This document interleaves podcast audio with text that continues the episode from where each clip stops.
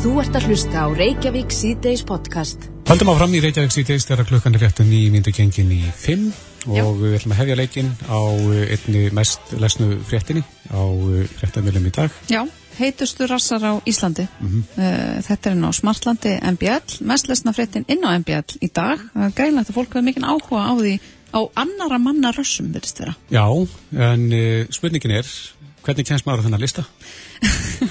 Á línunni er Evert Víglundsson, engaþjálfari og crossfit kappi. Góðan og blessan daginn, Evert. Já, góðan daginn. Það er engin- sumar. Já, gleðið sumar. Það er engin pressa frá Kristófer, þú skalt koma honum á þennan lista. Djók. Það er ekkert mál, Kristofur. Bara að mæta reglulega og æfa. Já, maður, maður reynir það. En, en hver er líkillina því að hnóða svona góðan kúlurass? Öss, maður. Ok, nummer eitt, genetíst.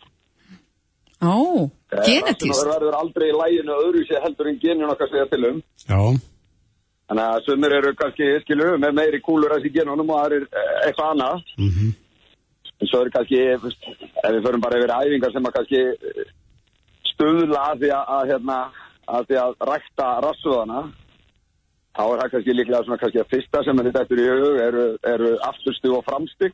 Mm.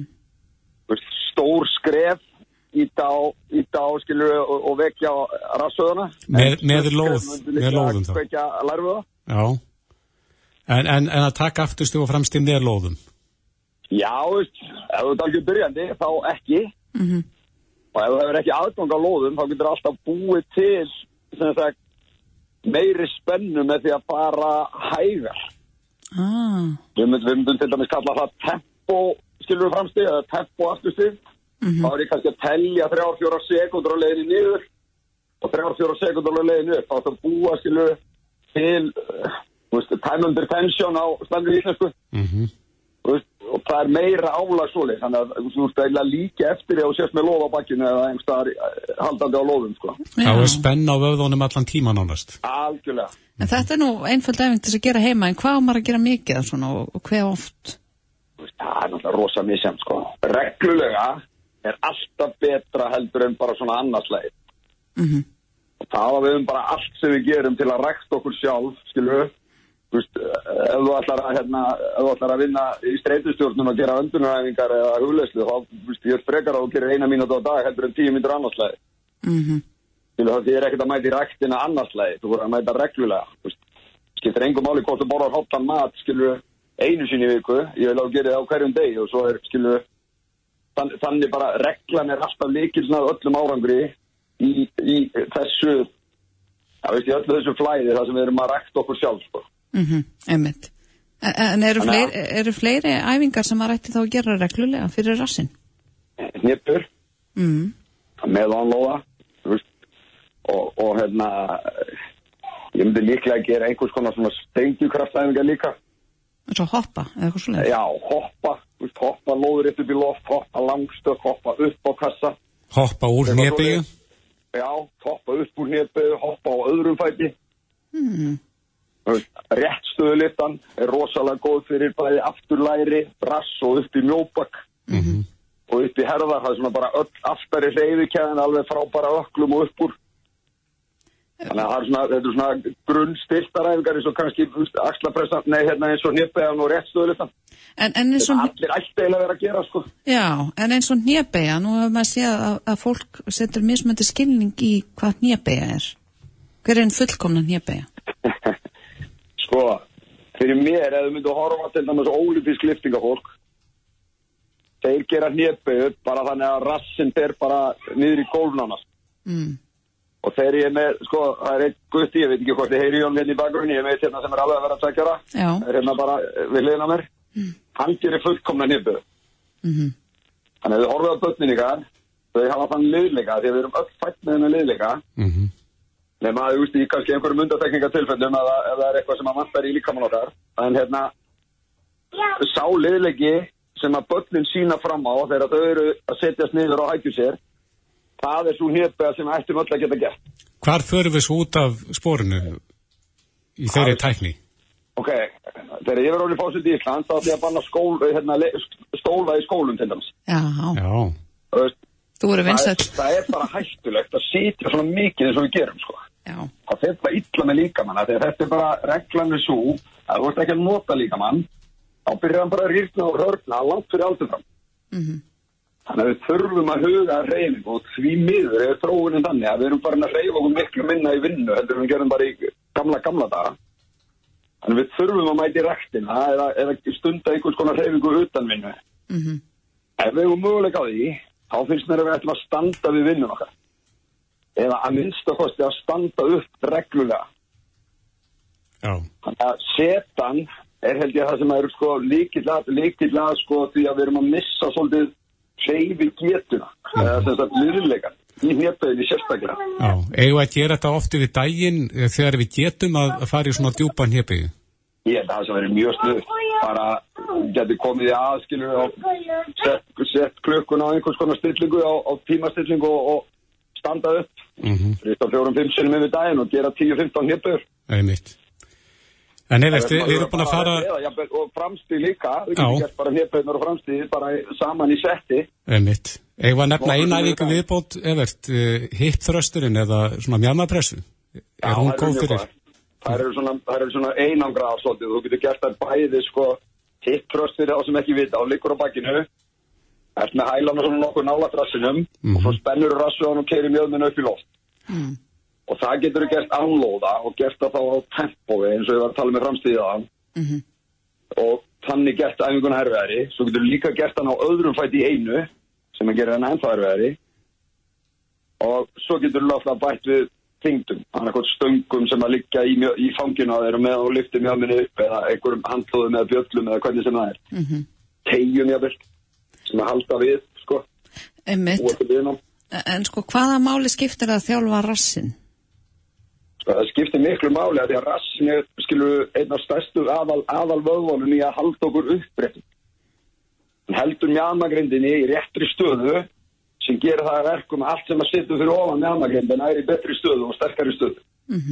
Ef að rassöðin er óvirkur þá er líklega þannig að framlærisvöðarnir inn í svona þurfa að sinna meiri vinnu og miðjuvöðarnir þurfa að sinna, sinna meiri vinnu. Þá er það að tala um bara alla vöðuna sem er liggja í kringum mjóhrykina þær að kjarnininn og hann þreytist vegna þess að hann er að taka álæði sem ætti að vera á rassinu og við það að kjarnvöðarnir er í þreytist þá byrjar mjóbækið þetta að svigna missa rétta stöðu og þú byrjar að fá í baki Já, meika þetta eitthvað sens Já, já, já, algjörlega. fullkomlega. E, e, þegar að kallmenn eru komin yfir miðan aldur, er þetta ekki eitt af því fyrsta sem að hverfur? Það er rassin. sko, það er náttúrulega fyrir eftir í hver þú ert, sko, hvað þú ert að gera. Mm. Það fyrsta sem við missum líka, eitt af því fyrsta sem við missum er liðleiki og svo styrkur, Mm ok, og það er eitthvað sem við þurfum, skiljum, öll að æfa, líka strákarnir, þú veist, ég er 50, sko, ég er alltaf, ég, veist, fyrir mig, ég er búin að vera að æfa bara frá því að ég var 5 ára, það byrjaði fókbalt á 5 ára. Og, og þú getur, skiljum, haldið þessu við, en ef þú veist ekkert að gera, þá ertu bara að að rýrna og rörna langt fyrir aldur fram því miður, þannig við þurfum öll að sinna þessu sko. Já, þess að styrsta þjálfun. En sko, Já, getur maður eitthvað dæmt rassa annara og eins og þessi listi sko, heitustu rass á Íslandi, hvað myndir þú segja að væri flott rass? uh, rassin á konunni minni Gott svar. það er ekki, er pólisist rétt Jú. Já, já, hún er, hérna, ok, við ekki bara tala meira um hana, hérna, en hérna, en hún er mjög sterk og hefur eftirnibur bara í mörg ár og sterklegur rass er það sem að, það sem að ég myndi horfa til, -hmm. en svo er það náttúrulega bara persónubundi, hverjum, hverjum þykir, þykir sinn fugl fagur, er það ekki? Jú, jú, þetta er smekksatrið. Já, Það skiptir allan að mála að þjálfan vel sem og aðra vöðva líkamanns. já, Já, og heilbriði, heilbriði finnst mér alltaf fallið, já. Maður þarf að vinna fyrir því. Já, maður þarf að vinna svolítið fyrir því. Og það er alltaf einhvern veginn virðist vera bara erfiðar og erfiðar eða vera mögulega að fara í, í, í öf og átt við það sem að ég myndi vilja sjá sko. Ég En held við að getum þetta, breytið, við getum snúið við. Já, akkurat, ég held að þetta sé bara fín orðin í helgina. Þú ert búin að gefa mörgum góðar uh, æfingar og hugmyndir að æfingum til þess að búa til flottan rass. Evert er Sigurðinsson, að byrja að vinna. Já, ekki spurning. Kæra þakki fyrir þetta. Já, gaman að heyri ykkur. Sömmulegis, bless, bless. Bless. Þú ert að hlusta á Reykjavík C-Days podcast. Já, þá er klukkan 27. gengin í 5 og við ætlum að fara aðeins í vínið. Já, eitt mál sem hefur sprungið út og það er netsal á áfengi. Já. Já, þetta hefur sprungið út eftir að dómsmálar á þar lit hafa eftir sér að netveslun áfengi væri leifileg á Íslandi. Emmitt, það skilur maður ekki alveg 100% Nei. út af því að við höfum nú stæðið þeirri trú að þetta væri ólöglegt hinga til. Mm -hmm. en uh, til að ræða þessi mál er hér mætt Bjarki Olsen Gunnarsdóttir þinguna vinstri grætna, velkomin. Takk. Og línun er Vilhjálmur Árnarsson þingmaður sjálfstæðisflokks. Góðan blessan daginn Vilhjálmur. Já, komið sæl og góðan daginn. Já, sko Bjarki þú getur skilið það kannski að fólk sé svolítið svona undrandi yfir þessari umræðu varandi það að þetta sé leifilegt er þetta ekki ólöglegt? Já sko, samkvæmt því sem að e, þeim svörum sem hafa komið frá dómsmálaráðunettinu fram að þessu þá hefur það verið þannig að þau hafa ekki allavega gefið afgerandi svörum það að þetta sé heimilt ef við getum orðað þannig og þess vegna hafa þeir aðilar sem að e, hafa farið hér inn á markaðin uh, skilt sér á bakvið EES-reglunar og verið með uh, kennirtölur elendis og svo framvegis. Þannig að, að uh, það er auðvitað kannski það fyrsta og ég auðvitað bara hyggst ganga eftir því að ráþeran segir bara allt í einu gerðmorgun sem svona að þetta sé bara heimilt og eins og bara ekkert að við gerst í mildtíðinni. Þannig að ég veit ekki hvað er breyst. Ég var nú að ræða við aðila frá samtökum aðtörnreikanda í gær og uh, þau hafa ekki fengið skýrsvör fram að þessu og telja sig þessum ekki hafa uh, hérna geta gert þetta þar að segja hafi hvorki netverslun eða aðra verslun með áfengi uh, utan þess að verið hefur og þannig að þetta kom öllum í opna skjöldu sannarlega og ég tel að að ráð þeirra verða svara fyrir þetta með bara skriflegum og skýrum hætti. Mm -hmm. Það er spurning hvort að Viljamni geti stýrt út orð ráð þeirra síns. Hvað, hvernig tólkað þú orðans? Já, þetta hefur verið lengi grunnuna og hefur allir hort á þetta á gráðu svæði. Og fyrir hvað þrejum ránu síðan eitthvað var byrjað að var byrjað að láta reyna á þetta. Og eins og Björki segið var byrjað að nota erlenda kennetölu en líka byrjað að nota íslenska kennetölu og, og það eru nokkur svona vafaðri í þessu eins og til dæmis hvort að smásala á áfengi eins og stendur áfengislaugifinni sé sama á netvenslun áfengi og, og, og lögin eru smíðið utan í smásölu í veslun og er þá netvenslun einhvers konar öðruvísi söluform eins og að barir og annað sem eru með þetta öðruvísi smásölu mm -hmm. eru þá eitthvað annað söluform þannig að þar er eitt gráasvæðið og svo er það hitt að það hefur verið gert óreitt hér uh, í mörg, mörg, mörg ár að einstaklingan kaupi við ellendis frá áfengi og fengið bara sendt gegnum Amazon eða hvað það er. Og þá hafa líka aðalega lítið bara á jafnbræðisregli stjórnarskrá og atvinnufrelsi. Þannig ef að, ellendar uh, verslanir geta verið, netverslanir geta verið að selja á Íslandi einhverja lögulega neyslu verið hér á landi og þá hljóta innlend fyrirtæki með að gera það líka. Mm -hmm. og hérna þannig að, að, að þetta hefur verið gráðsvæði, það hefur einn út að einn svona kæra hjá engamáli hjá átíðaferð. Átíðaferð hefur farið eitt engamál sem var vísa frá dómi og svo veit ég um einna þessum sölu aðalum hefur verið yfirheyrðið hjá lauruglu en hefur ekki teitt neitt meira. Þannig að lauruglan hefur ekki uh, látið til skara skýr í það að henni viti allavega í þessi þrjú ár. Þegar, þegar svona þessar tilhörnir hófust þá var að tala um að þetta væri vilda vestur og það þurfti að koma einhverjum böndum á þetta og núna þar linnir tónokkri mánuðu síðan, þannig að þetta verist færast nær og nær að verða ennþá viltara vestur. Já, en, en það er kannski einmitt það sem að dómsmálaráðurinn er að, að vísa í að hann sagði, herðu þetta er einhverju svona grái svæði og hann vildi gera þetta þá bara skýrt og setja það einhverja skýrari reglur um þetta, setja einhverja ramma, þannig að þetta var ekki vilta vestri, en samtalsflokkurna hans er ríkistjórn hafa ekki verið tilbúinir í það. Þannig að, en þeir hafa ekki komið með neina tillögu um að banna þetta. Og það var ekki viljið hans að tólka lögin þannig að þetta veri banna, heldur bara að setja skýr reglur og þyrftir alltaf verið með skilriki að, að varan var ekki sínilega og aðfinningar stað og, og framvegis. Mm -hmm. og, og hérna þannig að, að hann var búin að búa til, að var búin að bregðast við þessu vilda vestri og var búin að leggja til tillugu til að setja einhvern ramma utanum og hafa þetta skýra það en hann bara kom því ekki gegnum ríkistjórn Nei, e, Bjarki, er þetta ekki rétti að vilja? Er ekki betra að setja þá lagaram og reglur?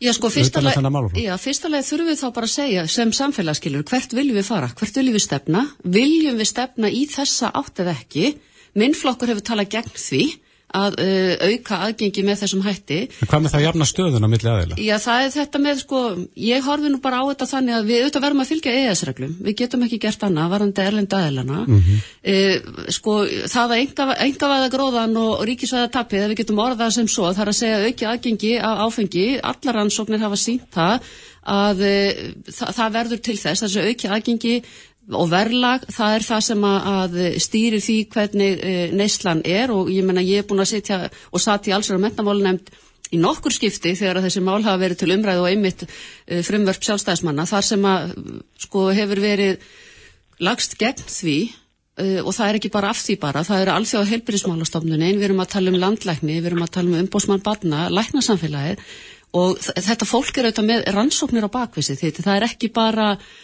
að eh, leggja, leggja skegn þessu af því að uh, því, því finnst eitthvað um það, heldur er þetta bara staðrendir og það hefur líka komið uh, víða fram í rannsóknum ellendis og þess vegna höfum við, vinstri græn, lagst gegn því að auka þetta aðgengi Um, og ég uh, lít bara þannig á að það er eitt að sko ná utanum með regluverki og annað hvert þú ætlar að stefna. Við viljum ekki stefna í þess átt, það er að segja uh, auka söl á netinu eða leifa áfengi í, í verslanir. Mm -hmm. Við viljum halda í þetta form og ég manna að einu árinu þá var, var það alþjóða heilbyrjastofnunum sem að beindiði til landlægningssambatisins um það að halda í þetta form vegna þess að það væri eitt af allra besta. Í Washington 2011 þá greitu íbúar sagt, uh, með því að afnema engavænguna mm -hmm. fimm árum setna þá voru sex að hverjum tíu sem vildu draga það tilbaka. En svo breytast leikreglur og nú geta erlendir aðeinar sendt eh, áfenginga til hans Já, það hefur verið þannig frá því að EES-reglu gerðum að sett sko, þannig að það er alveg, alveg rétt að það er þannig. En það breytir því samt ekki að það eru uh, í, tak, í mjög takmörkuðu magni sem að fólk er að kaupa vín erlendis frá. Og þetta, þegar þú getur farið að senda heimallan sólarhingin þá ertu líka eiga við veikust einstaklingana og það lendir á öllu velferðarsamfélaginu. En, en nú er dómsmálaráður búin að segja að þetta sé leifilegt. Hvaða vægi hefur það? Það lítur þá að þýða að þetta má. Eða, sko, það er það sem er, finnst mér svolítið svona, já, já ég er ekki hissað. Ég er ekki hissað, þú sett hérna hissað þessu, því að þetta er eitthvað sem kom öllum í opna skjöld eins og ég segið og maður sá það bara strax á viðbröðum uh, hjá samtökum aðtunlýsi sem að, eins og ég segi, hef, hafa verið að ræða Ólaður Steffensson saði bara í gerkveldi þetta bara er eitthvað sem við bara heldum að væri ennþá grásvæði og Vilhólmur er að staðfesta í rauninni, það er þannig. En það hlýtur að hafa eitthvað vægið samt? Njá, ég ætla að lefa mér að halda svo sé ekki, ég ætla að lefa mér að, að óska eftir upplýsingum úr ráðanettinu þar sem þetta er staðfest að þetta sé kristaltært og ég skil þá ekki hvað svona ráðarinn hefur verið að leggja fram frumvörp í þessa átt ef hann telur þetta heimilt í dag. Mm -hmm. Af hverju er hann þá að leggja fram einhverja hugmyndir og tillögur um betra reglverk? Ég áttum ekki að því. En, en hvað segir þú, Viljálmur? Ég meina, þurfum við að skoða þetta eitthvað, skoða hug þjóðarinnar? Varðandi þetta mál? Já, sko, ég tek nú bara undir það sem var aðrannu sagt, sko, að það þýðir ekki að stinga hausnum í sandin. Þetta er þetta bara orðið svona og Íslands stjórnböld tryggja það nú að að áfengi er eina varan sem að all börn sem koma til landsins sjá, er fyrsta sem við sjá þegar við lappanum í rúlustíðan í leifstöðu og fyrsta sem við sjá þegar við kemum inn í kringluna og fyrsta sem við séum þegar við kemum inn í smáralind en þetta er bara svo mikið bull umræða að, að og það er allar sem netislanir sem þú getur keift frá gegnum Európa eru allar með starri markvíslutin til Íslandi heldur en allar veðvæslanir þetta er saman. Þannig að ég Þetta er náttúrulega bara að vera að reyna að hérna, tala sér frá raunveruleikan. Þetta snýst ekki bara um að sjá Vilhjálmur, þetta snýstu þetta um, um það, það og þú veist já, að þú þínu fyrir starfi Vilhjálmur að þetta eigur ofbeldi, þetta eigur neyslu, það, er, það eru sko, staðfesta rannsóknir fyrir því. Já sko, við skulum ekki nota þessa rannsóknir bara eins og rætt að nota Excel til þess að finna rétti niðurstum. Ég hef búin að fara ekki um allar þessar rannsóknir og, og, og þekkit allt sem hann vil. Ég er ekki að tala gegn því að áfengi sé, sé hérna, hættulegast að varan. Þetta er einn hættulegast að neysluvara sem er til og hættulegast að fíknefni og mest afleggingan og þekkit allt saman mjög vel. En það sem að aldrei heilbreyðmálastofnunum segir, að vissulega aðgengi skiptir mestu máli. En þá skulum við líka að lesa alla leið hjá aldrei heilbreyðmálastofnunum sem segir að mesta hindrun aðgengi er verð. Og það er íslenska stefnan að hafa hátt áfengiskjald og þannig tryggja íslensk stjórnvöld teft aðgengið áfengi í gegnum hátt áfengiskjald og það borga allir áfengiskjaldi sama hvernig þetta er selt, hvort þessi átjöfver eða vestlænir eða, eða vinnveitingahús og annars líkt.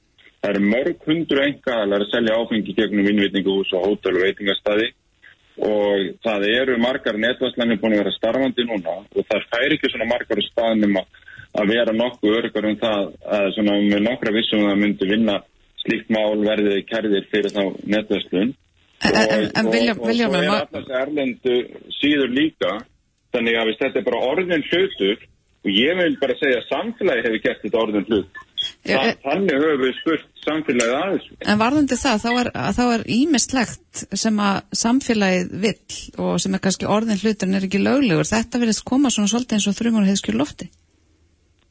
Nei, þetta er búið að vera í gangi í þrjú ár og ráðherran er búin að leggja núna í tvígang fram frumvar tvö, þingi röð til þess að reyna að bregðast við þessu.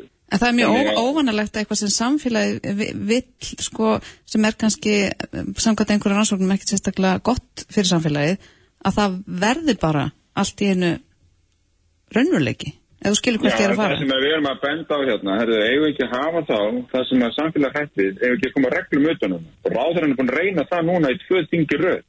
En þau samstarfsflóðunir okkar ríkistjórn sem eru svona hættir við það að að þessi Íslandingur sem selja áfengi á netun ekki bara útlendingur, að þessi betra útlendingurinn selja það heldur en Íslandingurinn, að þeir hafa hindra dómsmálar á þeirra í að koma hérna einhverju reglum utanum því hvernig áfengi er selt á netun.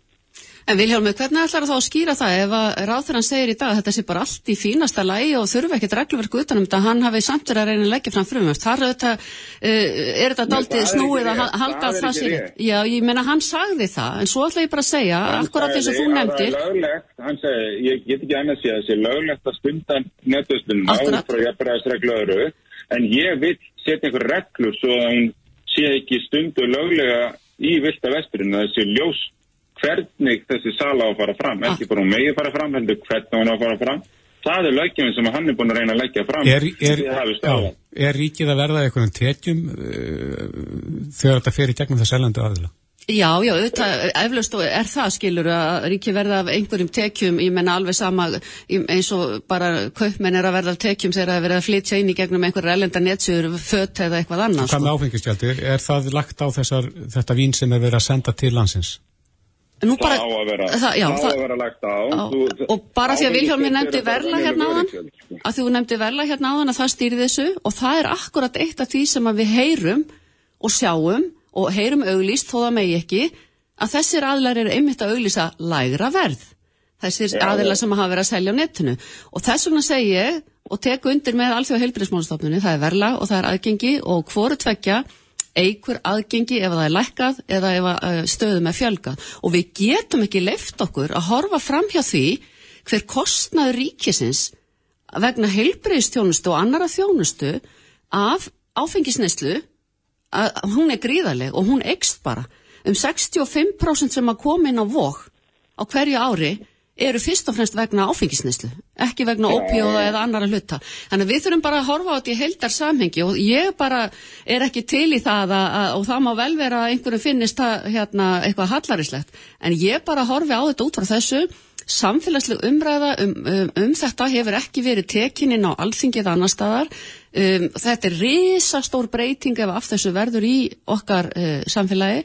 Og mér finnst bara varhugavert að gera það án þess að um, fólk átti sig á heldar samhenginu, þú veist, hvað, hvað þýðir þetta uh, bæði fyrir ríkið auðvitað í tekjum, en líka fyrir ríkið í gjöldum, af því að þetta er eins og segið, þetta er stórfeldur kostnaður sem af þessu líst. Þess má geta að við gerðum sko, könnun, fyrir ekki, Viljamur, við gerðum könnun uh, í mæ, þar sem við spurðum hvort að fólk vildi leifa netvæsli með áfengi.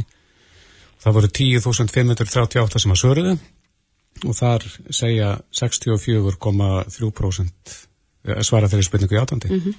Þannig að það Já. virðist vera vilji fyrir því hjá almenningi að, að Já, já, það má vel vera. Það er líka vilji fyrir hjá almenningi að geta talað í símundi stýri, sko. Þið vitið. Almenningi finnst það ömulegt að vera sagtar víst já. Vilhjálmur. Þetta er alls konar sem að uh, við getum sagt að almenningur vilji.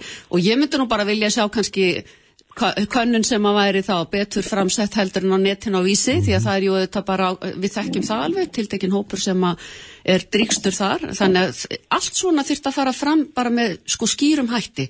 Uh, en En fyrst og fremst líka að fara fram þannig að fólk vissi að þetta er ekki bara uh, það að auka aðgengi heldur þessi sig, hvað þýðir það fyrir okkur afleðingarnar, það er mjög mikilvægt að halda því til haga. Og mér finnst bara það að, eins og ég segja að, að, að auka gróða kaupmanna það er bara ekki endilega það sem að ég horfi á því þetta er ekkert venjuleg söluvara, við getum ekki annað en augu við það. Mm. Hvað segir þú, nei, Viljámur? en- þetta er löglega neysluverð, en ég vil segja tæmt um þetta að nú sjálf hérna rekið sem- netverslun, þannig að það er ekki eins og sé að koma eitthvað nýtt inn á markaðin, ríki sjálf hefur nú fjárfest í netverslun og, og, stundar hana, þannig að nummer eitt, en við erum líka átt okkur því að það er að tala um peningana, að nú þurfum við að sína aðaldi ríkisrekstru, nú er líka verðbólga og ef að þessi löglega neslu var að fengi að vera hjá kaupmannunum og þá kemur minni hérna þyrftan að hækka aðra vörur minna, þetta er bara að spila saman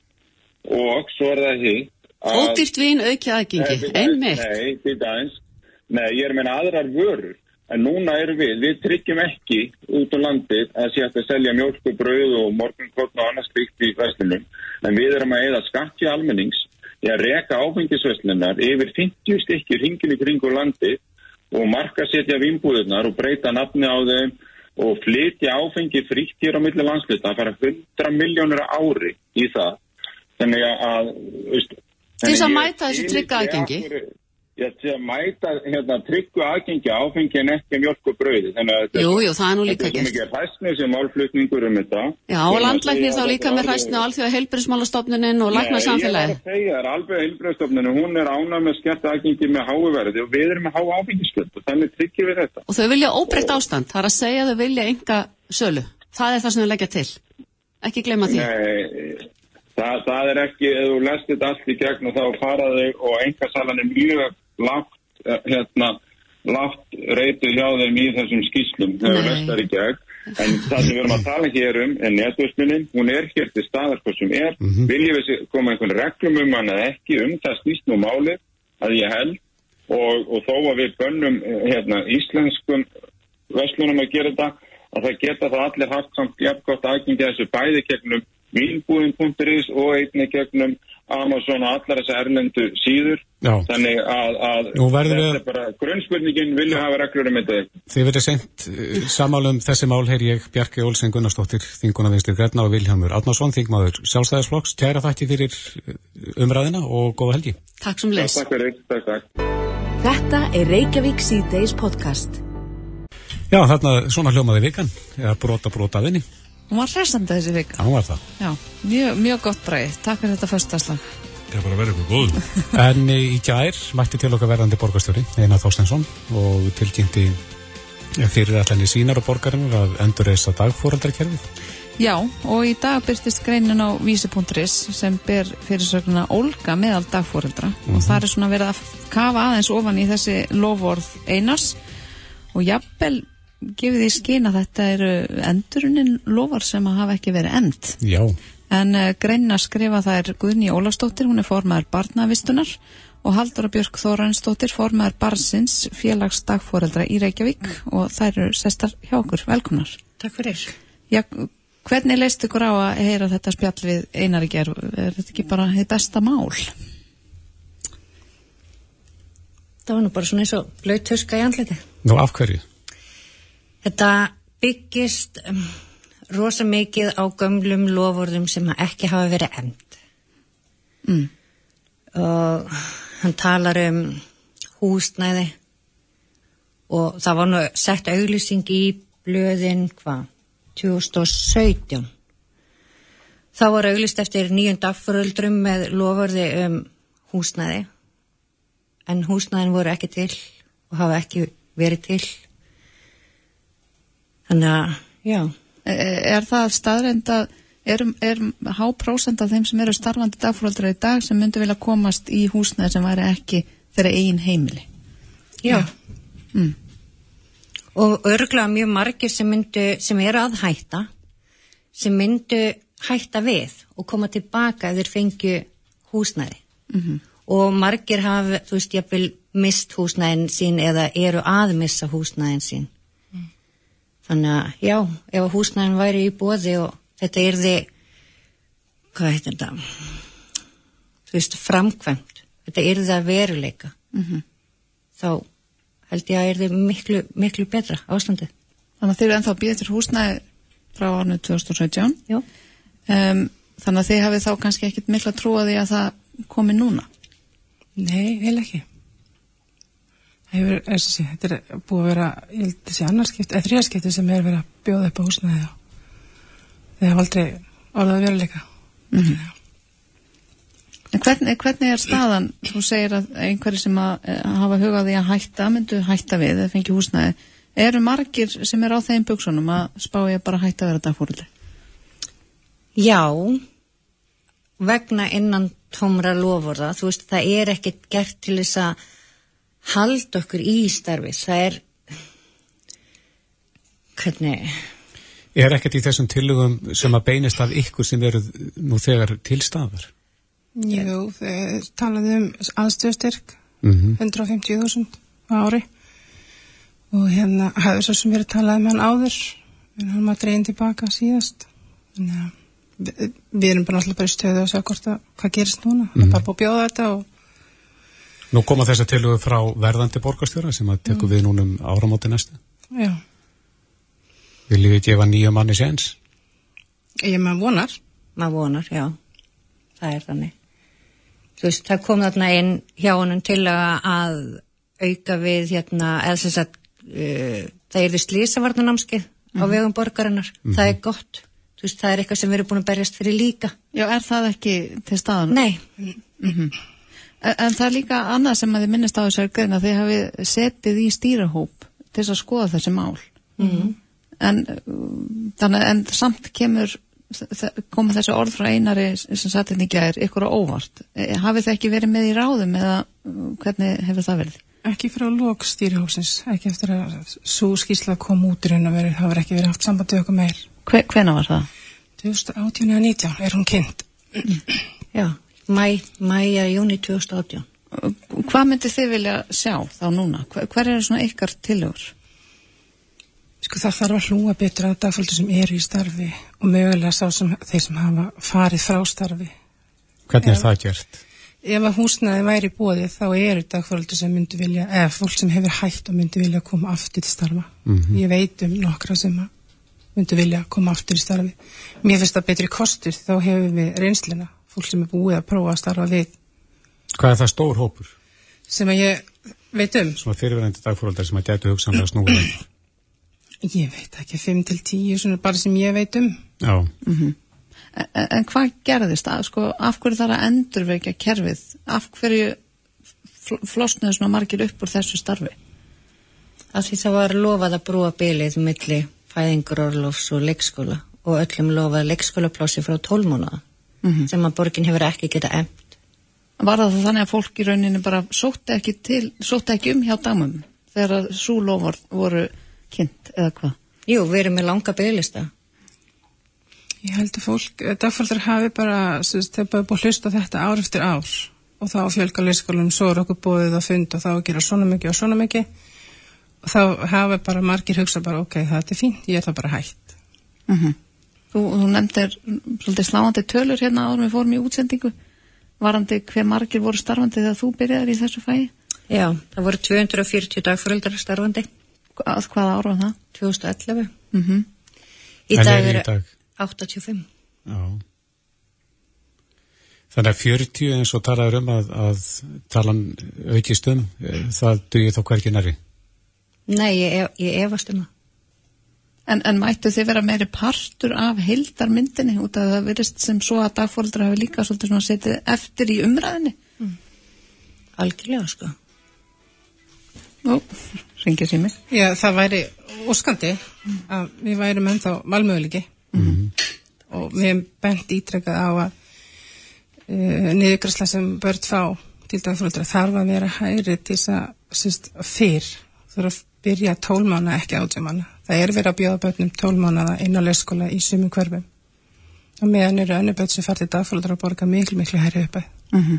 Hvað kostar að vera með eitt barn hjá dagfóreldri í dag?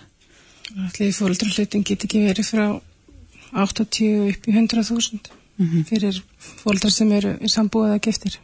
Og móti kemur að leikskóla blásir rétt rúmlega 30.000? Já. Mm -hmm. Þannig að það mætti bæta úr þessu? Það mætti bæta úr þessu. Já. Hann talaði um að hvað, hækka nýður greiðslu uh, barna átjána mánað og eldri og fóreldra myndu þá greiða hvað, 31.000 sem er sama gjald og á leikskólanum en það er ekkert áfóreldri með sömu gjaldskrá mm -hmm. hann getur ekki hann, hann veit ekki nema þá að setja það svo talar hann um þjónustu samning sem við höfum náttúrulega aldrei heyrt fyrir nýð þessu viðtali. Er engin þjónustu samningur með dagfóreldra og borgarinnar? Nei. Hefur aldrei verið í Reykjavík þannig að við eigum hann eftir að sjá hvernig hann hljómar ef hann er til eða verður gerður. Við heyrum ákveð að þið hafi ekki mikla trú á, á þessu. Eins og hún byrjaði 2011 ég byrjaði 98 við erum báðar búin að starfa í stjórninni að setja þó nokkra fundi og svona í samstagshópum og við erum enn mörgum árum setna að tala um sömu hluti það hefur ekkert verið gert mm -hmm. þessu oft lofað og yfirleitt í fjölmjölum þannig að það heyrist eru þið notaðar sem einhverja, einhverja punt brúður? Já, allir það ekki. Nefn að þið hafið betra orðið við það? Þetta var ágættis orð. Já. Já, það er spurning. Þið hafið ekki mikla trú á einar þórstinsinni, en ef við ekki að vona að loksins verði lofarðin end? Við skulum vona. Mm. En hvað með ykkur tvær? Segjum bara að þegar við lítum inn í haustið og ekkert verður búið að gerast. Ætli þið að hætta sem dagfóldri? Nei, ég er ekki að fara að hætta, allan ekki í ár og ekki næsta ár. Þannig. Nei, ekki heldur, en planið var að vera hætt, en þörfin er nóg. Hvað eru þið með mörg börn? Fimm. Er það hámarkið? Já. Mm. Uh -huh. Og hvað er það sem drefur ykkur að þessu starfi? Ég veit ekki, gleðin ánægja. Þessi litli skref sem þau taka. Mm -hmm. Öll knúsin. Hvað eru börnin að koma gömul til ykkar? Sko ég hef tekið yngst fjögra mánu. Já. Og annars er þau svona í kringum nýju mánu til tólf mánu sem þau eru að koma. Mm -hmm. Svona í flestum tilfellum. Já, þetta.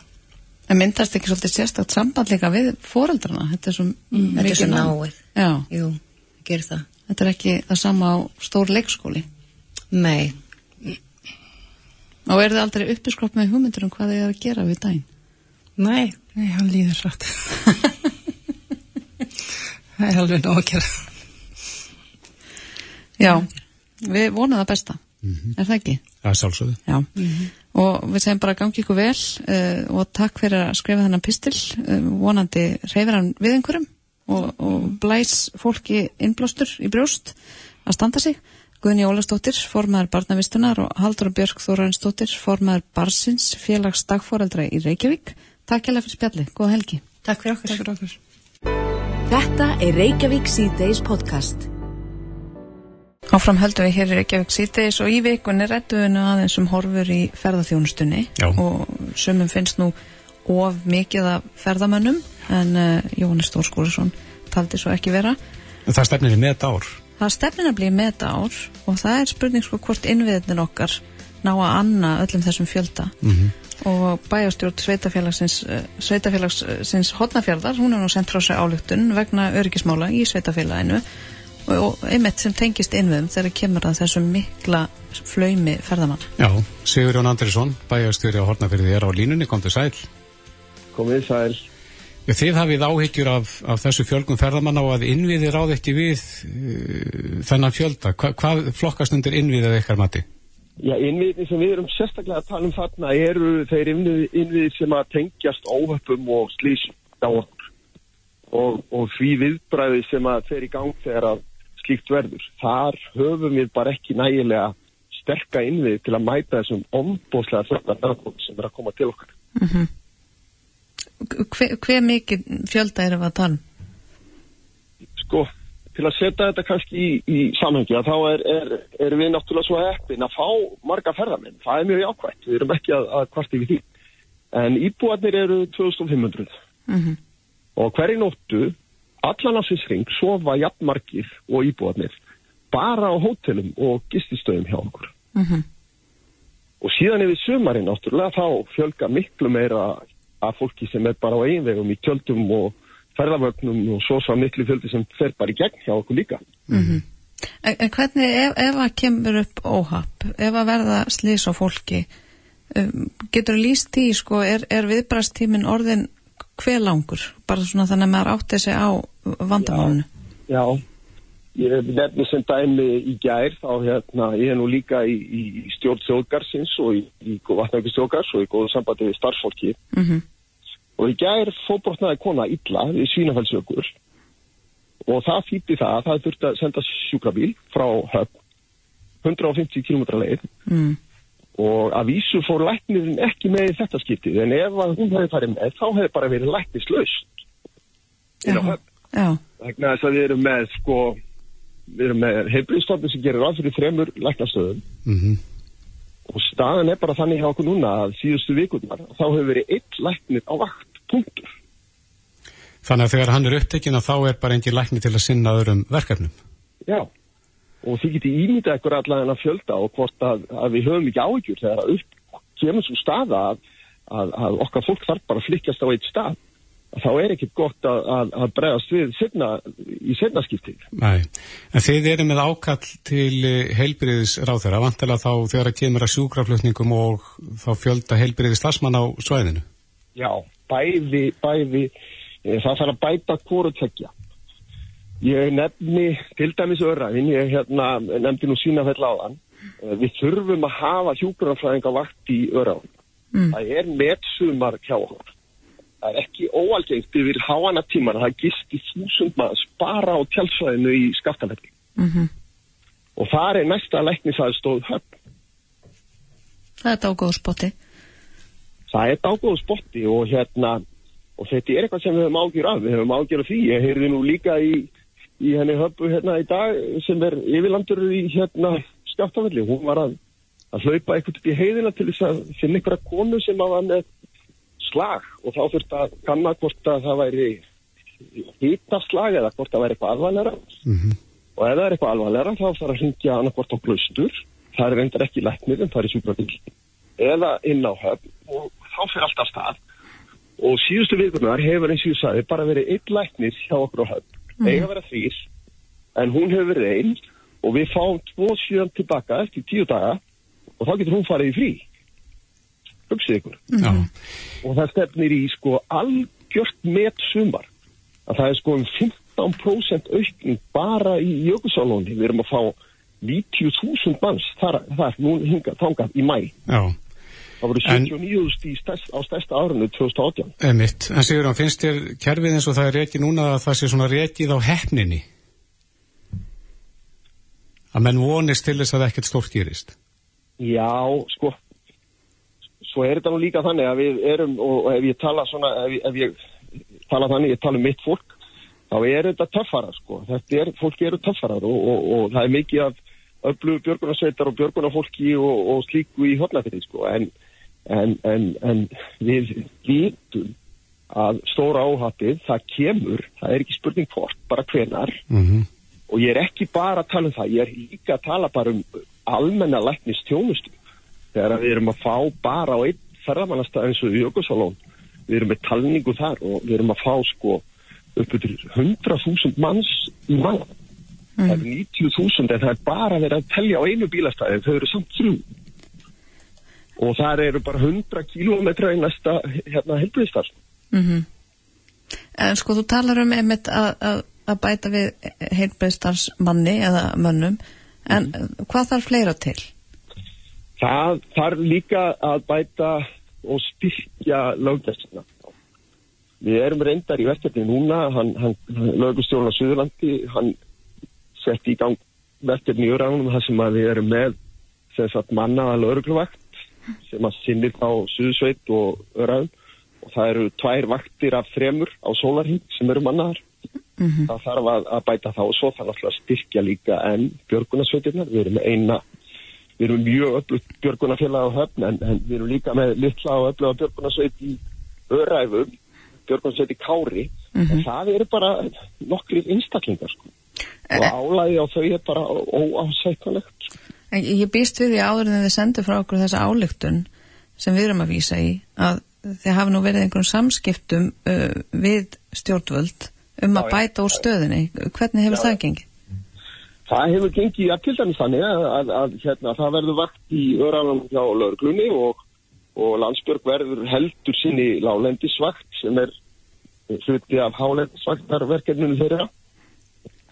Og þannig að samtalið er búið að eiga sér stað og þetta eru alltaf einhver viðbröð en, en, en við þurfum að, að bæta úr og bara við sem fjóð að veltaði fyrir okkur hvernig við erum að sinna þessum örgismálum þegar við erum að stefna allir þessu fólki híkað sko okkar frábæra og glæsilega land sko. Já, og það er kannski skild okkar nummer 1 og 3 að, að tryggja öryggi fólks, ekki bara heimamanna heldur þeirra ferðamanna sem við bjóðum velkomna hinga. Já, við verðum að gera það, annars getur bara orðspórið askast og það viljum við ekki og almennt sé að gengur það mjög vel en við erum náttúrulega líka með bara fullt af einbreðum brúm og og, og við erum til dæmis með einn breiðabrú bara við breiðamerkulón og, og ég bara er alveg hissa að það hefði ekki orðið alveg litlis þar nýlega. Mm -hmm. En þurfti, þurfti við að fara íhuga allavega að taka einhverju umræðum hvort við ættum að ganga hardara fram e, einfallega að takmarka fjöldaferðamanna á Íslandi? Ég held að það sé ekki lusti. Eh, ég held að lustirna séu frekar að við byggjum undir fjármagnunna betur. Við til dæmis í þjóðgarðinum í stjórninni tókum bara þá leið að, að hérna við ætlum að taka bílastæðagjald af þeim sem koma á aukosólum mm -hmm. og við erum að semja síðan við ferðarfjónustæðil á svæðinu um að taka gjöld fyrir ísætlaferðis. Það er að fara um, já síðasta verður fóru frá okkur 110.000 manns bara í, í Ísellinu sem er í breiðamörku jökli og þar getum við náðum fjármæki sem við getum notað í öryggismál. Já, og í hvað þá sérstaklega? Sérstaklega náttúrulega vegagerð og síðan bara viðbræð við, við óhugum og slissum bara við jökulinn. Hvað gerir ráð fyrir að þetta verði há upphæð? Ég er nú ekki búin, ég veit ekki alveg nákvæmlega hvað það er en þetta eru sem sagt gjöld sem eru sett á, á bílana Þannig að ef þú með 20 bíla sem er að keira ísællaferði þá borgar þú meira en ef þú með einn bíl sem er lítill borgar þú minna mm -hmm. og síðan er, er, er gjald síðan fyrir bílastæði á Jökulsálóni sem ég held að séu uh, ég manna ekki alveg að þú sem kallir eitthvað svo leiðis. Þannig, þannig að sveitafélagi sjálft er að finna leiðir til þess að fjármagna ímsar úrbætur? Já, sveitafélagið og þjóðgarðurinn erum er að, að, að svona þróa þetta en, en, en þessir hluti sem að koma þá að hilsugjæslunni og löggjæslunni og slíku, það er náttúrulega hjá ríkinu og þar þarf að bæta sannalíð. Já, við skulum sjá hvort að þessu ákvæðli ykkar verði svarað af ríkisvaldinu. Einmitt, ég vona það. Já, Sigur Jón Andrisson, bæjastjóri á Hortnafyrði. Kæra þakki fyrir spjallu og góða helgi. Sjöfumleis, takk, takk. Já, þá er klukkan farin að ganga sjö og við verðum að taka stöðun og þorgeri Ástvalds okkar bestamanni. Já, sem að vera á puttanum, nú sem ofta áður. Einmitt, hann ætlar að ræða þessu Kristinn Haldur Einarsson, frangatastjóra Blindrafélagsins, en það er nú ímestlegt spennandi í farfatinn. Já, sendu boltan yfir að þorgir. Já, við stöndum hér fyrir fram að lögadagsvellina í góðu veri. Það er ímeslegt sem að ber fyrir augu hér, hér í, í dalum á hlýjum sumardegi.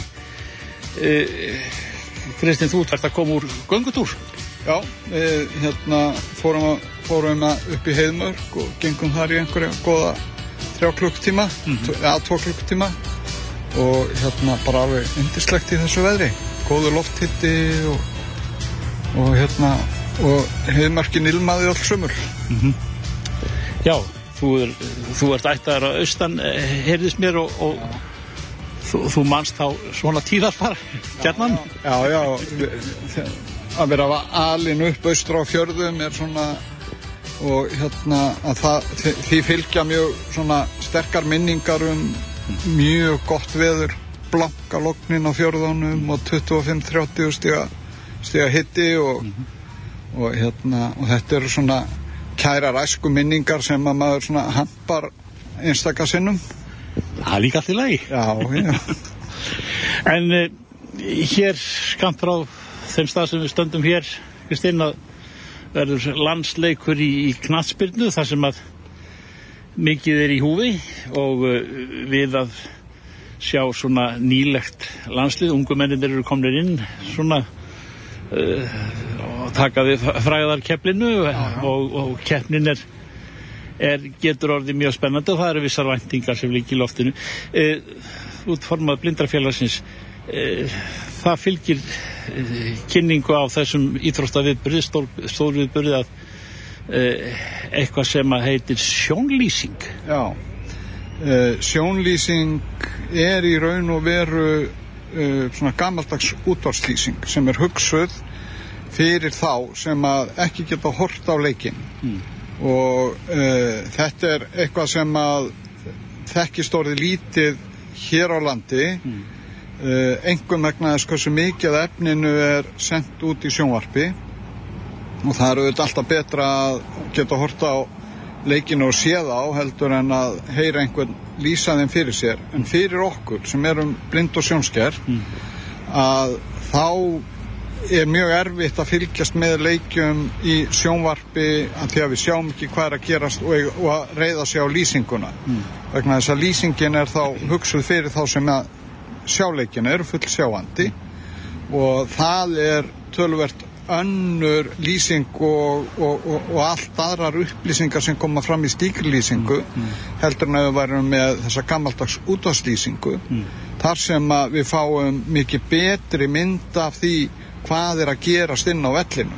Í orðum. Í orðum, já, og hérna og núna í leiknum núna móti Slovakíu þá verður í fyrsta skipti á Íslandi búið upp á sjónlýsingu fyrir blinda og sjónskerta vallargesti. Þetta verður semst innan vallarins, er ekki, þess er ekki útvarpað út um land og mið.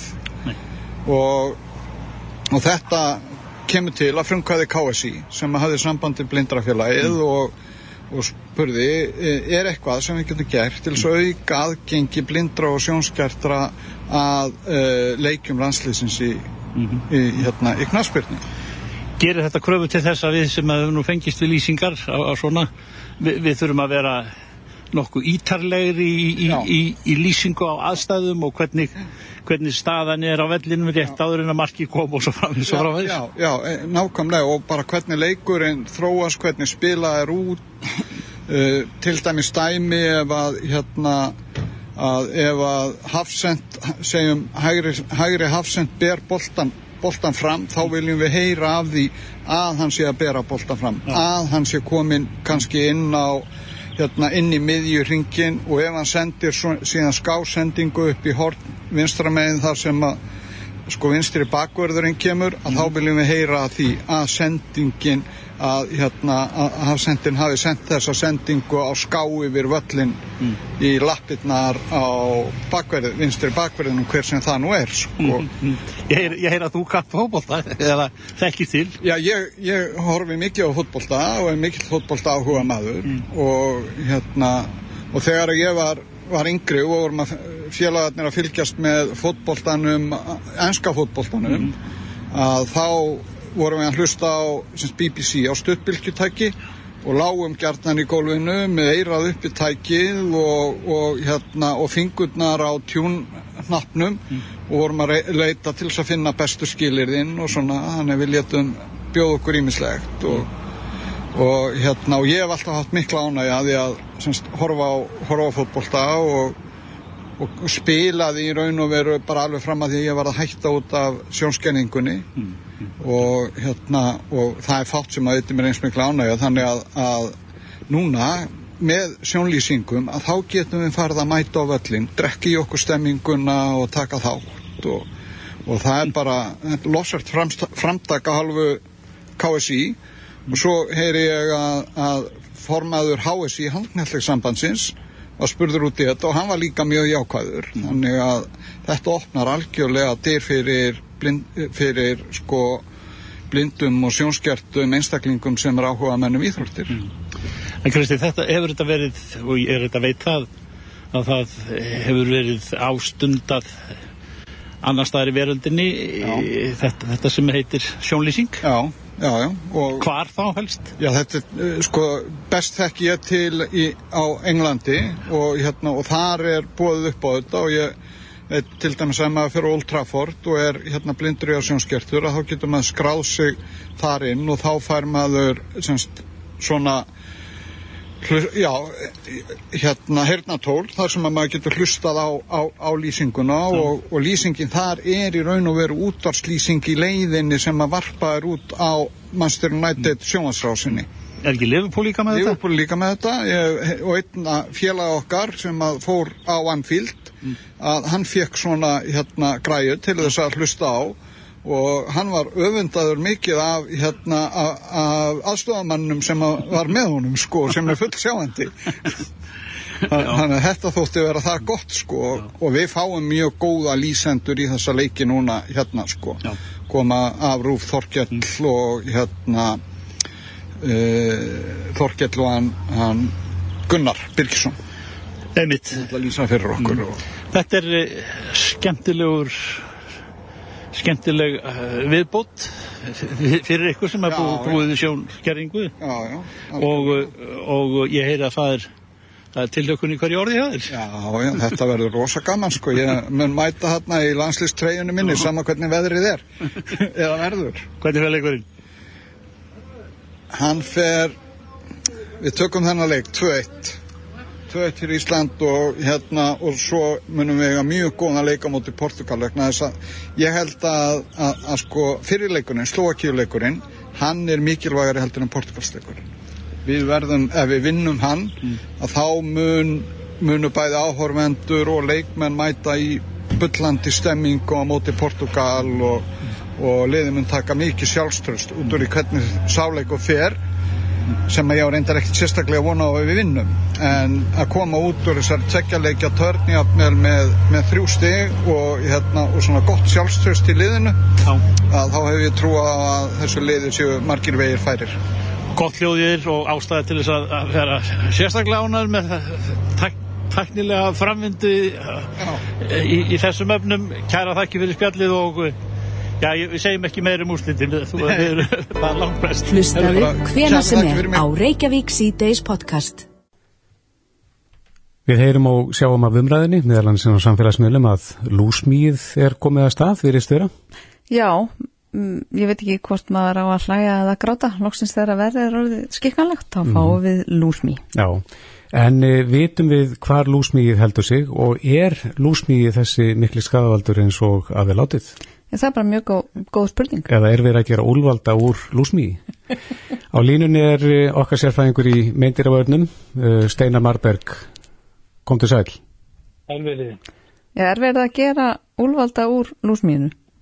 í að mínu mati finnst mér það, því að málið er að oft deyrast rattir þeirra sem eru byggnir um, það er kannski bara örn 5% af þjóðinni sem fær þessi bygg Mm. og sækir í einhverja blóðtegundir eða einhverja lykt eða annað en síðan er bara meiriluti þjóðana verður ekkert var við þetta en auðvitað er þetta kvinnist og allir geta fengið bygg uh, og hún er náttúrulega bara hennar lífshægir eru þannig að hún þarf blóð til að geta frjóka ekki Mm -hmm. þegar hún verður síðan í, í vatni eða árið annað sem kveikjast út síðan árið. En þetta er mjög kvinnlegt og ég hef nú verið að sjá bara í gegnum Facebook og annað að hérna, fólk er alltaf að rópa úlfur, úlfur. Og fólk er að fara, ég er að fara í, á þennan stað, á svaran ykkur já ég var allir bitinn kannski einn, en það eru 500 manns á svæðinu sem er ekki varfið að skilur þannig að það er verið að gera einhverju hræðslu þetta er komið til að vera. Við þurfum bara að lífa með það. Og við erum ekki búin að fá moskó, moskító og mun koma, ég veit það. Þannig að þetta er bara aldrei verið að blása þetta mikið upp í umræðinu og þetta er ekki þægileg beitt Nei, en Steinar, held, heldur þú að uh, lúsmíði sé haft fyrir rángri sög í einhverju tilfellum þar sem að jafnvel ekki er um lúsmíði að ræða heldur uh, kannski bitmí eða eitthvað slíkt? Já, ég er alveg samfærið um það. Ég þekki mikið, mikið um svona uh, hvernig bíl líta út, það er flóabitt og, og annað því líkt og fólk er ofta að senda myndir inn og ég, ég fekk þetta mikið lúsmi og, og ég veit að þetta er ekki lúsmiðir.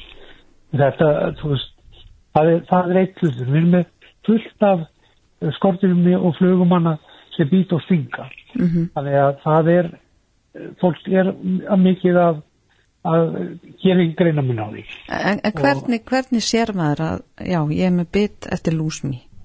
Þetta er yfirleitt smá bit og þeir sem vesti verða geta fengið bara töluveru útbrot, mikið kláða, af því að það sem flugan gerir, að þegar hún stingur á spýtur hún ensými í gegnum ranan hjá sér til að hreinsa ranan og stífilsíki. Þetta ensím ertir tökir eða þessi efnakerfi okkar.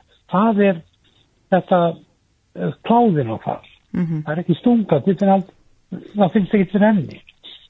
Geitungur þá finnur þau fyrir henni. En þetta, þetta finnur ekki fyrir. Og yfirleitt eftir slofandi þegar þetta gerist. Mhm. Þannig að, ég, En, en er þetta helst í kringum vötn og ár, það sem lúsmið heldur sér? og hún er yfirleitt í kringum væði sem að eru skjólsæl. Uh, runna, uh, hafa runna mikið trjám og ég bendi oft fólk hjá að þegar að með sumabústæði til dæmis og treði liggja að húsinu gett og að, að klippa aðeins frá þannig að, að liggi svona, er ekki mikið skjól ef að mikið lúsni er að, að hérna, það er ein e, leið til að mýka ásóknina.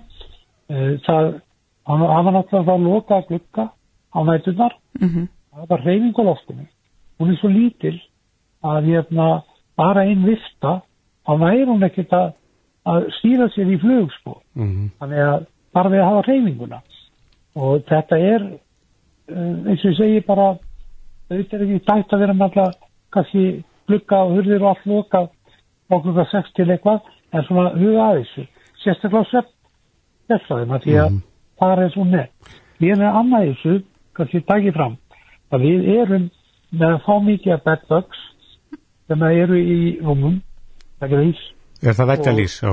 Já, Mhm. og þetta er þetta er orðið mjög útbreytt og ég, hérna það, fólk getur verið að vitja því líka, því að það er að kannski að ferðast, gistir og gisti heimilum og annar staðar og þetta er alveg orðið þekkt á stað og fær bit og þessu sem búr stað og heldur að bitin sér út á lúsni þetta getur verið margt annar þannig að uh, þetta er ekki alveg Nei, ekki klift mála- skórið. ekki mála þetta í Nei. einhvers konar uh, komur að segja að þetta er bara spilning Nei, en, en er ein spurning hérna, ein spurning sem að ég veit að margir er að velta fyrir sér. Hvað er best til þess að fá mýið, sama hvort að það er lúsmýið eða bitmýið eða annað, til þess að forðast okkur? Getum við borið eitthvað á okkur til þess að, að fæla þær í burtu? sko, málið er að ég er búin að vera vinna í þessu ára tíu bara með moskít og annað úti þegar ég var þar og hef alltaf fylgst vel með þessu og lúsmýri þegar það kemur hérna 2015 og vil gaman að fylgjast með hvernig útbreyslan er. Og það er búið að reyna mjög margt og það eru uh, lyktir sem að fluga bælist.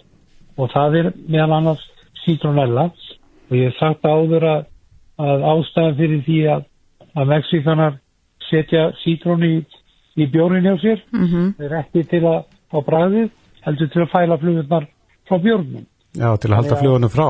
já, og þetta er bara alltaf gömul aðferð. En eigum að maka okkur þá út í sítrunnusafa eða? Nei, nei, þetta er citronella en máli er að við erum búin að vera að gera prufanir hérna með nokkur efni og svona erum að vinna loka hönd á það að það er efni sem flugur fænast en það er uh, líka margir að eitra fyrir þessu en þegar þú eitrar mm -hmm. þá drefur alla flugur Einmitt. og öll skortir en það er oft ef að fólk er með mjög mikið að flugu inn í húsunum Mhm. að þá er það bara kannski eina leiðin En, en hvenar verður þetta undraefni sem þú ert með í, í pottunum tilbúið? ég, það er smá áfæði, ég veiktist mjög mikið núna og ég, við erum að vinna í þessu og við erum að, erum að blanda og, og prófa. Og það gæti ekkert verið langt í það að við getum fara gera eitthvað. Það hljóma spennandi. það verður það. En eins og ég segi, ég fólk bara taka sem jafna að geri þetta er komið til að vera. Uh, auðvitað er þetta fimmleik og ég hefna svona, það er margt annað sem getur getur og stungið og það er, ég segja oft við Íslendinga, við hérna heima við heyrum að geitungi, uh, bedbugs eða hvað sem er, eitthvað sem býtur og sígur blóð. Já, þá erum við bara með lífi í lúkonum síðan fyrir við á tenni við fyrir á Spán, Florida þá erum við ekki að hugsa um þetta. Nei, hugsa meiri um þetta hérna heima. ég mun meira. Já, við erum hættari heima heldur en annars það en aðalega eh, sem myndi ráðleika fólki að ef það er uh, með lúsmi og telur sig það er mjög lítið. Fólki er að rugglast mikið á nýflugum og bitni og öðru Mm og lúsni. Lúsni er nánast bara að þú þarft að virkilega sko, skoða til að sjá það já, og hérna að hafa einhver reyfing á loftinu mhm, uh, sumir er með glukkanett og annað ég er á móti því að mörgleiti að því að þegar lokar glukkanum með glukkanetti að þá lokar að flugið það inni. Þannig að þú stær búin því út en þetta er er alltaf það er hlýðar öllu já, akkurat. Við verðum að setja punktin hér, eh, Steinar Marberg Egilson, meindiræðir, alltaf gott að rifja upp eh, svona þessa baróttu gegn eh, mýinu. Já, eitthvað sem hvað mætti komin á. Já, að við, það hefur verið fylgst með útbreyslu á lúsmi á Íslandi frá 2015 Mhm. að Mattias er á náttúrufræðstofnun sett upp kort á náttúrufræðstofnun mhm, og þar er punktarnir þar sem lúsmi hefur greinst. Og ég er að lesa og fólk er að tala um staði sem er ekki uh, sem við vitum að er ekki staðfesti staðir að lúsni sé á.